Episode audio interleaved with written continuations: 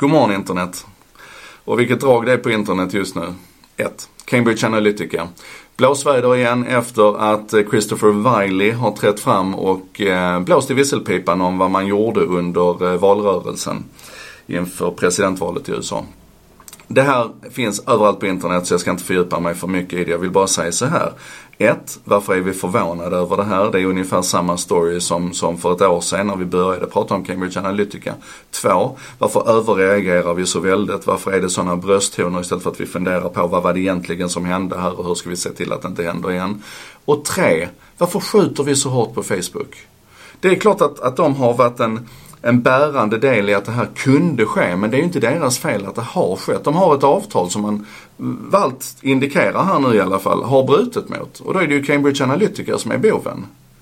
Så här. Just nu så pågår det en rättegång i Stockholm mot eh, Rakhmat Akilov. Ni vet han som satte sig i lastbilen och utförde det här fruktansvärda dådet i den fysiska världen på Drottninggatan i Stockholm förra året. Och rättegången är mot honom. Rättegången är inte mot lastbilstillverkaren. För alla är helt på det klara med att han använde lastbilen på ett sätt som det inte var meningen att man skulle använda lastbilen. Som förmodligen någonstans underliggande bryter mot något avtal som finns med den här lastbilstillverkaren. Och därför är det han som sitter i rätten och inte de som tillverkade lastbilen. Det är en långt dragen liknelse men vi måste kunna hålla den tanken i huvudet. Sen, Hanif Bali.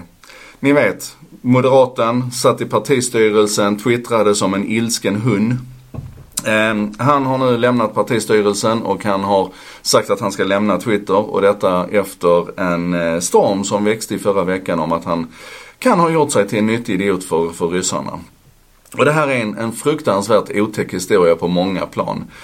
Det som skaver hos mig det är att, att han framhålls som så vansinnigt duktig på att kommunicera han är inte duktig på att kommunicera. Han, han har betett sig som en skitstövel, ursäkta uttrycket, på Twitter. Och jag har också gjort mina misstag i sociala medier och dratt för hårt och varit kantig och jävlig. Men meningen är väl att vi ska lära oss va. Och, och under alla år jag har sett honom där ute så har han inte lärt sig ett skvatt. Och nu får det då konsekvenser. Och han går till och med till botten liksom med att kasta skit. Han säger så här i en, i en tråd hos Sven-Otto Littorin, Tutto. Så säger han så här eh, apropå Troed Troedsson då som har varit deltagare i den här debatten också. Ha förståelse för Troed. Han har det inte lätt. Faktum är att jag, alltså Hanif Bali, befinner mig i skiten för tillfället. Men hela denna helg har jag faktiskt tänkt, det kunde varit värre. Jag kunde varit Troed. Är det ett sätt för en riksdagspolitiker att uttrycka sig? Nej, det är det faktiskt inte. Så då är vi inne på den tredje biten. Sociala medier och vad de betyder. För det släpptes en undersökning där man kunde se att Sverigedemokraterna var kraftigt överrepresenterade i, i de sociala kanalerna. Antal delningar och engagemang och, och så vidare. De bara piskar banan med de andra. Och, och, då säger, eh, ska vi säga här, John Rosenbaum som, eh, som arbetar med sociala medier på Retriever. Han säger så jag ska nog säga att det inte är SD som är överrepresenterat utan att det är de andra partierna som underpresterar. Är ni med? Och så är det ju.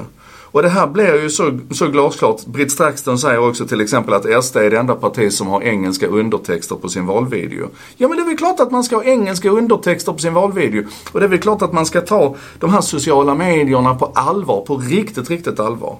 Och då blir det så beklämmande när man läser uttalande från, från M och S. Så här säger Moderaterna. Deras eh, kommunikationschef Hampus Knutsson säger Sociala medier har blivit viktigare de senaste åren men att vinna valet handlar inte bara om antal delningar och likes. Utan han framhåller istället det verkliga mötet och samtalet. Ja men precis, men det har ju ingenting med, med den fysiska världen nödvändigtvis att göra. Det är, ju, det är ju verkliga möten och samtal som vi behöver i den digitala världen också. Om du tror att sociala medier handlar om delningar och likes, då har du inte förstått vad det är vi pratar om Hampus. Du har inte förstått hur viktigt det här är. Och nästan ännu värre blir det när vi går till Socialdemokraterna när deras kommunikationsdirektör Helena Salomon säger så här. Vi tänker lite på sociala medier som ett digitalt fikarum eller en digital middag med kompisar. Det är där människor möts och diskuterar och det är naturligt att vi finns där också. Men det ersätter ju aldrig det personliga mötet. Men Helena, om du menar det fysiska mötet, när människor möts så här.